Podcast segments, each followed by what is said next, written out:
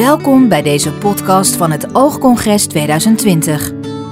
Emiel Cornelissen praat met oogartsen, onderzoekers en ervaringsdeskundigen over de laatste wetenschappelijke ontwikkelingen van verschillende oogaandoeningen en de oogheelkunde in het algemeen. Deze keer gaan we praten over hoge myopie, ofwel extreme bijziendheid. Waar komt het vandaan en hoe ziet je leven eruit als je hoge myopie hebt? Dit bespreek ik met drie gasten. Straks hoor je Jeannette Kikkert en Gerlof Dubois. Zij zijn beide ervaringsdeskundigen. Maar eerst Jan-Roelof Polling. Hij is optopist en kan ons alles vertellen over hoge myopie. Nou, myopie is een, uh, een brekingsfout van het oog. Waardoor het oog eigenlijk iets te lang is gegroeid om het, uh, om het brandpunt netjes op het netvlies te houden. Dus het oog groeit eigenlijk voorbij het brandpunt. En uh, op het moment dat dat zo hoog groeit of zo ver groeit dat het boven de 26 mm bijvoorbeeld uitkomt, uh, dan spreken we het over het algemeen over hoge myopie. En dan hebben we het echt over een heel lang oog, wat op latere leeftijd problemen kan geven met het, uh, met het zicht. Ja, precies. En, want eh, dan ontstaan echt de problemen op latere leeftijd. Niet zozeer nog als, als kind, of, of kun je het als kind ook al echt merken? Nee, als, als kind merk je daar niet zoveel van. Behalve natuurlijk dat je niet zoals je vriendjes en vriendinnetjes uh, het bord dan goed scherp ziet. Dat lukt dan niet. Maar als je een bril opzet, dan gaat het eigenlijk prima. En als je, gaat, als je een jaar of twintig wordt, gaat het eigenlijk ook nog wel prima. de problemen komen pas voor hoge uh, meestal na het 40ste jaar. Uh, bij hele extreme gevallen kan het ook nog wel eens eerder optreden. Maar tot 40, 50 is zijn de meeste mensen wel uh, gevrijwaard van allerlei complicaties. Die treden eigenlijk daarna pas op. We hebben voor deze podcast ook een tweetal ervaringsdeskundigen, zoals we ze dan noemen. Jeannette Kikkert en Gerlof Dubois. Oh, beiden ook welkom. Ik begin even bij uh, Jeannette. Uh, jij bent ook uh, bijziend. Hoe hoog, hoeveel min heb jij? ik had min 24. Um, dat is, um, mijn ogen zijn nog steeds min 24, maar door de staaroperatie dat wel teruggebracht naar min 4. Dus ik, het is een forse verbetering dan? Ja, dat is een behoorlijk forse verbetering. Ik kan nu door het leven met een nou ja, nette, dunne bril. Um, alleen mijn de kwaliteit van het netvlies blijft natuurlijk slecht en verslechtert nog steeds. Uh, dus ja, min, ik zeg altijd, ik heb min 24 ogen. Want dat verandert niet door een staaroperatie. Nee, je, je, ogen verandert niet. Maar, die, maar dat komt dan ook waarschijnlijk door die staaroperatie bijvoorbeeld ook de, de oogdruk. Want het speelt natuurlijk ook een belangrijke rol verder afneemt. Nou, ik had geen last van de oogdruk. Um, ja, eigenlijk was het, uh, was het, zo dat ik dus minder uh, scherp zag. Min, ja, minder helder zag. En uh, ook met name de oogarts had daar dus heel veel last van, want die kan dan ook niet goed meer naar binnen kijken, omdat hij dan ook troebelzicht heeft, zeg maar. Dus uh, uiteindelijk van twee kanten uh, besloten om een staaroperatie te doen, alhoewel dat voor een uh, extreem hoge bijziende persoon behoorlijk wat risico's met zich meebrengt. Maar het is in mijn geval gelukkig allemaal goed afgelopen. Oké. Okay. En Gerlof, ook welkom. Hoe is dat bij jou gegaan? Ja, bij mij is dat begon aan ja, wat jonge leeftijd. Uh, ik denk zo rond tien of zo dat ik een, uh, voor het eerst een bril uh, kreeg. En ja, ondertussen ben ik net de 50 gepasseerd. dan zit ik op min 20. Even afgerond. Dus dat, dat is waar ik mee te maken heb. Dat geldt voor beide ogen. En helaas aan mijn linkeroog ook echt wel een van de gevolgen waar Jan net naar refereerde. mogen meemaken. Dus een bloeding in mijn in het centrale deel van mijn netvlies. Dus daar is mijn zicht in het midden echt, echt gewoon weg. Dus uh, nou, vandaar dat ik uh, hier natuurlijk actief in ben geworden. Ja, precies. Uh, maar wist je ook al op, uh, op een jonge leeftijd, dat is, vraag ik ook aan Jeannette, wisten jullie op een jonge leeftijd al van, hé hey, wacht even, dit is uh, een myopie en we moeten daar later rekening mee houden of niet? Zeker niet. Nee, dat was voor mij volledig onbekend. Ja, dat geldt voor mij ook. Ja. Volledig ja, onbekend? Ja, um, ja, ik denk ook is wat uh, gewoon vanuit de, de, de zorg uh, breed ook gewoon zo was in die tijd. Uh, ja, je ging naar de opticien en je kreeg een nieuw brilletje. En als je problemen had met je ogen, dan ging je naar de oogarts. Maar ja, als je verder geen problemen hebt met je ogen en alleen maar een nieuw brilletje nodig hebt, dan, ja, dan blijft het daar eigenlijk bij. Ja, dus ja. mijn problemen begonnen pas ongeveer 25, 30 jaar geleden. Dus ja, en dat, dat gaat nog steeds door, die problemen. Ja, inmiddels ben ik aan beide ogen mijn centrale deel kwijt. En dat, dat verslechtert nog steeds. Dus mijn beeld wordt steeds kleiner wat dat betreft. Uh, Jan Roelof, herken je dat beeld dat uh, ja, ouders met kinderen eigenlijk misschien uh, daar gewoon, ja, je houdt daar geen rekening mee, denk ik, als je, als je jonge kinderen hebt, van oh, mijn kind zou wel eens ernstig bijziend kunnen zijn? Nee, het is natuurlijk pas zo dat we deze consequenties van die slechtziendheid rond de hoge bijziendheid, rond die hoge myopie, dat we die ook nog maar ja, zo'n tien jaar eigenlijk goed in kaart hebben wat er nou precies gebeurt. En uh, dat kwam eigenlijk natuurlijk doordat myopie steeds vaker voorkwam in de wereld. Dus inmiddels is ook deze vorm van slechtziendheid die voorkomt bij, bij myopie in Azië, waar heel veel bijziendheid voorkomt, is ook inmiddels de, de eerste oorzaak voor slechtziendheid geworden inmiddels in de, bij de volwassen mensen. Um, dus ik herken heel duidelijk nu uh, wat het beeld geschetst wordt. Alleen hadden we dat nooit zo heel goed in de gaten, misschien 15 jaar geleden. Wisten we dat eigenlijk helemaal niet zo goed, dat, dat, dat die link er was. Je kon natuurlijk wel een voorstelling daarvan maken, maar dan is het altijd maar één geval. En inmiddels weten we uit grotere bevolkingsstudies uh, en ook onder andere studies in het Erasmus MC, waar uh, zowel uh, Jeanette als Gerlof denk ik aan mee hebben gedaan, dat we inderdaad dat die associatie tussen um, de slechtziendheid en de hoge myopie, dus de verlengde aslengte, het grote oog, uh, is heel duidelijk aanwezig. Want uh, Gerlof en Jeanette, voor jullie allebei, um, geldt dan dat je er inderdaad vroeger eigenlijk niet echt last van had? Nee, ik heb, zoals Jeanette ook zegt, hè, altijd gewoon eerst bril, later ben ik overgestapt op contactlenzen ja, daar is het zicht altijd gewoon prima mee geweest. Zeker toen, toen uiteraard nog mijn, uh, mijn linker oog ook nog goed was. Ja, daar kan je gewoon prima jezelf mee redden. Uh, dus dat ging gewoon heel lang goed. En dan iedere keer vroeg ik wel eens een keer uh, aan de opticien van, joh, ik heb, ik heb min 14, toen het nog dus min 14 was, zei hij van, nou, ja, weet je, ik ken nog wel mensen met meer, dus maak je geen zorgen. Hier heb je weer nieuwe contactlenzen. Dan kon ik weer een paar jaar vooruit. Zo ging het eigenlijk. Ja, herkenbaar. Ja. Ja, voor jou ook, Jeanette? Ja, zeker. Ja. Nou ja, ik moet nu uh, een, een, klein bruggetje te slaan naar de, de kinderen, uh, als dat mag. Um, ik moet wel zeggen dat het nu tegenwoordig met, het, uh, zich, met mijn dochter dus wel anders, anders gaat. Daar wordt het nu, nou ja, net als wat meneer Polling ook al aangeeft, echt de laatste jaren steeds meer op gelet wordt. Dus ook dat ik bij dokter Klaver in het ziekenhuis kwam en dat ze heel nieuwsgierig was naar de sterkte van mijn dochter en met name naar de oogaslengte. Um, om dat bij haar eens te, bekijken. Omdat het ja, misschien dan toch wel in de genen zou zitten. Of in, ja, in, in hè, een familie of, of ehm, in het DNA of hoe dan ook zou zijn. En ja, ik heb dus, mijn dochter heeft dus nu al min Nee, nu al 25 mm lengte van de oogas. En als ik het goed, is nu 12. En als ik het goed begrepen heb, is dat eigenlijk de oogas wat een goedziende volwassene uh, zou hebben. Klopt dat? Ja, dan zit ze al redelijk aan de hoge kant. Ja, ja eh, precies. met 25 mm zit je daar al redelijk aan de hoge kant. Ja. Uh, dat, dan, dan heb je duidelijk al bijziendheid. Um, maar is absoluut een volwassen uh, oogaslengte. Voor iemand van 12 uh, zit je dan waarschijnlijk wel bovenste, bij de bovenste 2% uh, procent van, de, van, van de groep eigenlijk. Ja. Maar dan, dan kan die as ook nog verder gaan groeien, stel ik me dan zo voor. Je gaf net al aan, tot je 20ste, 25ste kan dat nog doorgaan.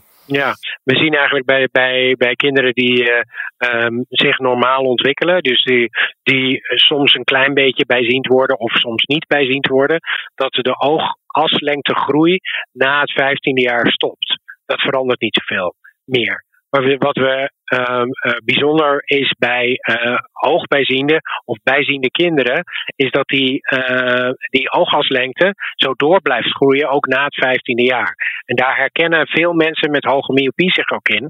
En die zeggen je zo van ja, maar met mijn achttiende was het echt nog niet klaar. Dat ging maar door en dat ging maar door. Dus daar, dat is eigenlijk heel herkenbaar voor, voor patiënten ook die myopen die blijven heel erg lang, en zeker hoge myopen, blijven heel erg lang doorgroeien. Dus daarom is behandeling van die hoge bij myopie ook na de leeftijd van 15 jaar nog steeds heel, heel belangrijk. En dat zijn ook nu uh, adviezen die jullie meekrijgen, Gerlof, Jeannette, ook voor, voor jullie kinderen. Van uh, moeten dat goed in de gaten houden en uh, eventueel echt gaan behandelen. Ja, zeker. Ja, ja ik, ik heb dat dus zeker gehad. Hè. Dus, ik denk dat ik tot, ja, tot mijn 20ste, 21ste is het nog, nog doorgegaan. Ehm, dus, dat, dus dat klopt dat, wat Jan Roelof zegt. En ja, mijn, mijn drie kinderen die, die heb ik uiteraard ook op eigen aangegeven, maar ook gelukkig steeds meer door uh, opticiens en oogartsen aangegeven laten controleren. Ja. Stel dat de ouders geen problemen hebben met de visus, dus er zijn geen problemen.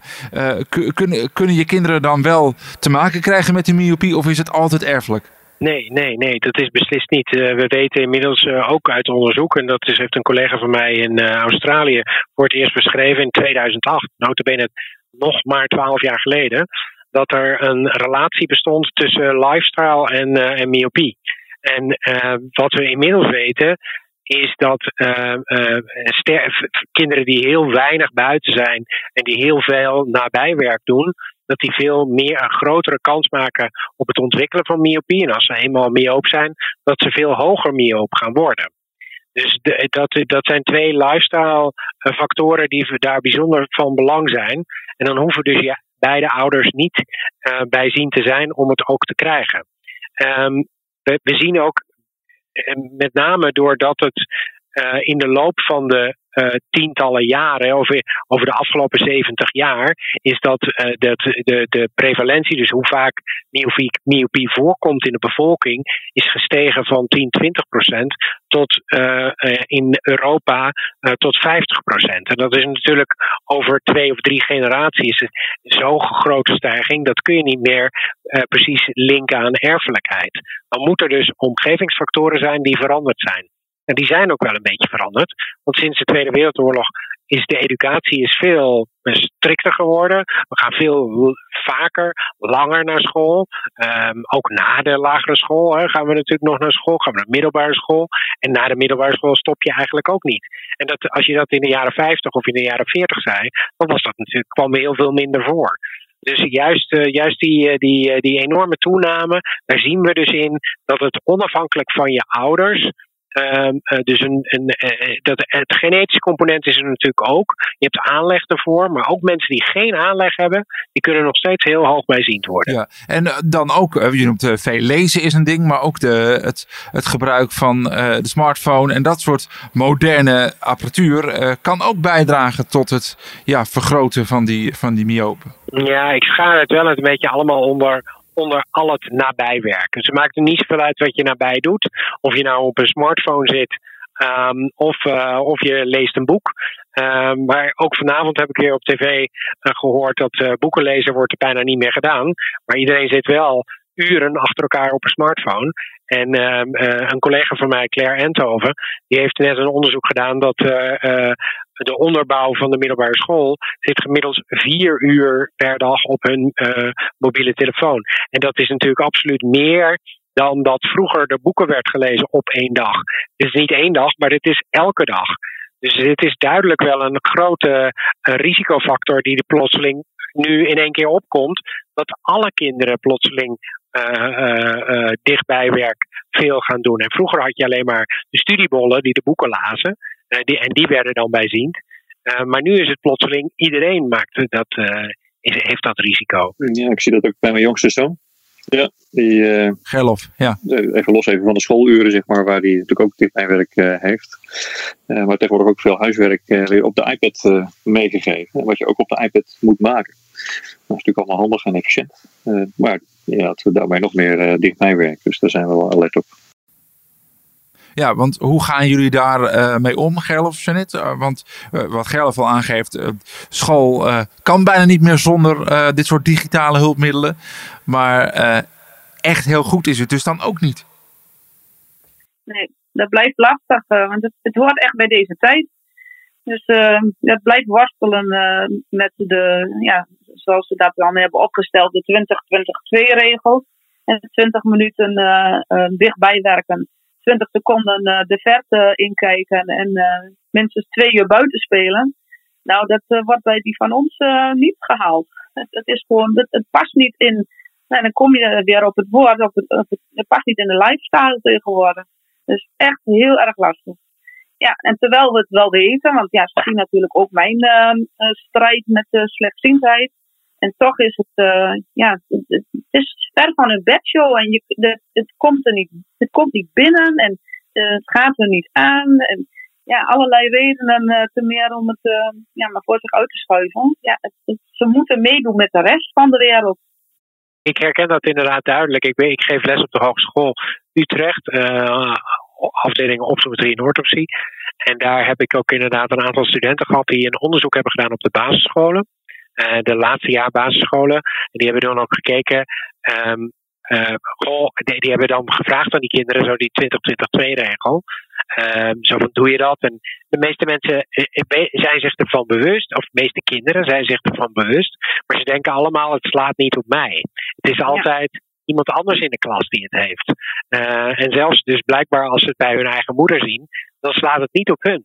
Nee. Dat, is, uh, dat is toch wel een, uh, een iets, iets waar, de, waar de scholen denk ik ook wat mee moeten doen.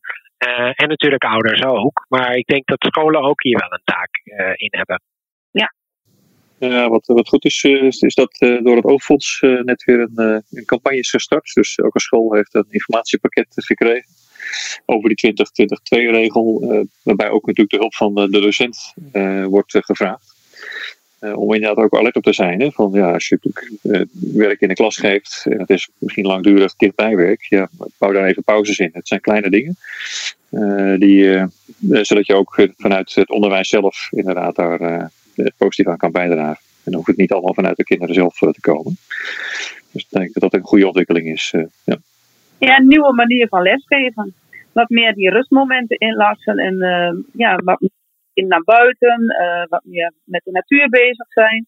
Maar dat, dat vergt zo'n om, omschakeling voor, ja, voor zo'n school ook natuurlijk. Maar uh, ik denk wel dat het belangrijk is dat ze zich daar bewust van worden. Want het is, het is gewoon, nou, ik geloof dat hoge beziendheid oorzaak nummer één tot een nieuwe vorm van blindheid is de komende jaren ja. ik goed begrepen heb. Dus ja, ik denk wel dat iedereen daar wat meer zou moeten gaan doen, zeg maar. Ja, in, in, in Taiwan hebben ze een heel interessante uh, bevinding gedaan. Want daar zagen ze ook dat die bijziendheid zo ontzettend toenam. En ze zag het, zelfs op scholen zagen ze elk jaar weer meer kinderen met, met bijziendheid. En dat nam elke keer maar toe. En ze hebben van alles geprobeerd met oogmassage en van allerlei dingen. En dat hielp natuurlijk allemaal niet. Totdat ze plotseling introduceerden op een paar scholen het out, outside classroom recess, noemden ze dat. Waarbij ze 40 minuten per dag met die kinderen naar buiten gaan, gingen. En uh, toen hebben ze gekeken wat voor effect dat was. En toen zagen ze voor het eerst een stabilisatie van uh, de, het aantal nieuwe gevallen. En na een paar jaar zelfs een daling. Uh, dus ze, zien nu voor het eerst die curve. Net zoals we met corona natuurlijk ook elke keer zien. Ze zien nu voor het eerst dat er weer een daling is van het aantal gevallen van myopie in, in, klas, in klassen. En dat is een, en door, alleen maar doordat die kinderen 40 minuten samen met de docent naar buiten gaan om dingen buiten te doen. En uh, uh, ja, daar kun je natuurlijk ook lessen voor zorgen, maar dat uh, vergt wel een hele nieuwe insteek. Maar ik denk dat het zeker een oplossing is voor dit probleem. Ja, wat, wat even goed is om te vermelden, dan is dat uh, ontwikkeld door het Oogfonds, maar ook uh, wij vanuit onze uh, groep Hoge Myopie, de Oogvereniging, is er ook aan bijgedragen. Er is nu een website in de lucht gekomen. Dat is het en dan myopie-educatie.nl. En daarop staan tips voor ouders, ook tips voor docenten, voor scholen, hoe ze inderdaad met name dat, dat lifestyle aspect kunnen inrichten. Ja, want op die lifestyle wil ik nog heel even doorgaan. Want we hebben dan een regel die eigenlijk zegt van joh, toch even een paar seconden steeds om de zoveel tijd. Eventjes even weg van het scherm. En ik hoor Jan Roelof net zeggen, maar 40 minuten kan ook. Maar, maar wat is nou beter? Die kortere tussenpozen of, of, of mag... want als je zegt 40 minuten, dat is dan misschien één keer per dag. Dus wat zou beter zijn? Nou, het is, niet, het is niet beter. Het is alles wat je bij elkaar, bij elkaar optelt. Dus als de school 40 minuten of een uur doet, hè, ze zijn 40 minuten buiten en dan is er nog een, een, eh, een pauze die ze hebben waarbij ze ook naar buiten gaan. Uh, en bijvoorbeeld dat de ouder dan ook nog wat doet, dan heb je en, en, en. En dat telt wel op naar die twee uur die er verlangd wordt in de 2022-regel. En, daar, en daarnaast is dus heel belangrijk dat je dus die uh, intervallen erin bouwt. Dus dat je zegt, nou, uh, na 20 uh, minuten dichtbij werk, dan ga ik weer even 20 seconden even pauze houden. Of ik ga even wat anders doen. Of ik weet dat ik weer wat anders moet doen. Dus maak die aaneenschakeling van die, van die opdrachten niet te lang. Zorg dat daar flink de pauzes in komen. En dat buiten zijn, alles moet je bij elkaar optellen. En het is dus niet een kwestie van dat je dat uh, twee uur achter elkaar per se moet doen. Maar zorg ervoor dat je die, aan die twee uur per dag komt. Ja, dus dat is, dat is eigenlijk de, de, de belangrijkste boodschap. Zorg dat je aan die twee uur komt. En, en hoe je dat dan precies doet, dat maakt niet uit als je er maar aan komt. Ja, en daar heeft het Alfons inderdaad wel leuke tips voor. Gerlof, wat zijn nog echt nog goede tips? Nou ja, ik, iets wat natuurlijk vandaag met, met, met smartphones, iPads, computers is natuurlijk. Uh, sommige kinderen houden ook erg van gamen. Uh, nou ja, een, een, van de dingen natuurlijk uh, is dat je gelukkig ook tegenwoordig games hebt die je mee naar buiten kan nemen. Dan kan je natuurlijk zeggen van nou als je buiten op je beeldscherm kijkt, dan, dan werkt het ook niet. als je dat natuurlijk alleen ja, wat je toch merkt is dat uh, tegenwoordig hebben dat met dat Pokémon Go en met Minecraft heb je games waarbij uh, kinderen echt naar buiten moeten, ook moeten bewegen om van allerlei opdrachten uit te voeren. Ik wil zeggen dat dat bij mijn zoon uh, goed werkt.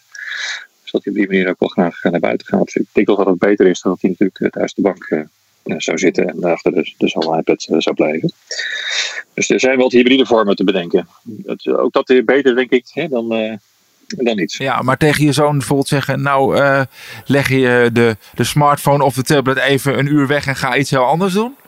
Of vraag ik nu iets heel moeilijks ook zo net? Vragen is dat, kan dat niet meer in 2020? Ja, ja dat, uh, dat blijft lastig.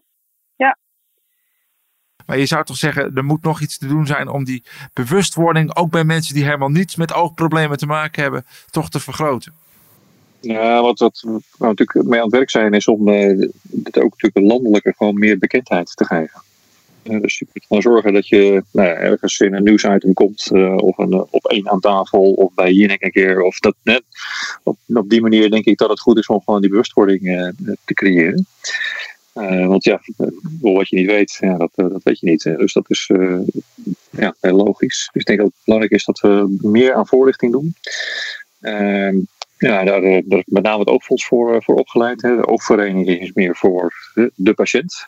Eh, maar dat typen we natuurlijk wel gezamenlijk in. En nou, ook Jan Roelof, jullie hebben natuurlijk ook vanuit Erasmus uh, myopie.nl, in ieder geval ook een, goede informatieve website.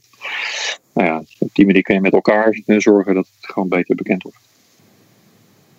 Maar, en, maar jullie, jullie eigen ervaringen spelen natuurlijk ook een hele belangrijke rol. Hè? Dan kijk ik dan eventjes naar Gerlof en Jeanette. Want, ja... Nou ja, dat merk ik dus inderdaad op de Facebookgroep ook zo. Dat er zoveel behoefte aan is om ook van elkaar dingen te horen en mee te krijgen.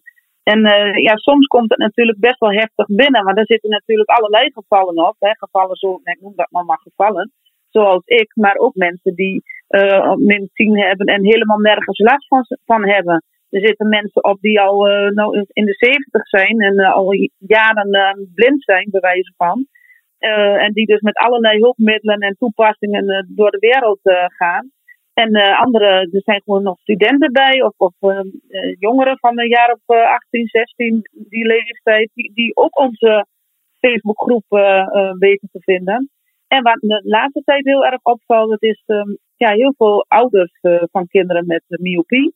Um, en dat kan een lage myopie zijn, maar ook heel veel um, ouders valt de laatste tijd op met een hele hoge myopie. En heel veel kinderen die dus verdruppeld worden. Waarvan de ouders ook meer tips, informatie en ook die verbinding uh, tussen uh, ouders onderling zoeken. Maar die, die vraag naar, naar meer informatie, naar meer, ja, meer ervaringen van goh, zou ik de enige zijn en, en wat zou ik kunnen doen om het uh, voor mijn kind beter dan wel makkelijker te maken, die is er dus wel degelijk. Dat bewijst ook die Facebookgroep dus. Ja, nou zeker. Kijk, het, het, het, je kan het wel beamen, denk ik. Dus er zijn natuurlijk vele manieren om, uh, om myopie te bestrijden, althans een progressie. Ehm, en ja, als, als geval kinderen eh, bij de oogarts komen hè, met, met hun ouders. En er wordt gezegd, nou, we gaan, uh, we gaan druppelen met atropine. Dan gaat iedereen natuurlijk eventjes toch kijken van, nou, wat, wat is dat dan? En uh, is het wel goed en gezond? En heeft het nog voor gevolgen op de, lange termijn? Dan zie je toch dat er veel vragen komen. Ehm, en ja, niet elke arts, denk ik, geeft daar nog even de goede voorlichting bij. ik denk dat daar gewoon nog wel een, een stap te zetten is. Dus ik denk dat dat ook de reden is waarom mensen zich dan melden in, in de groep.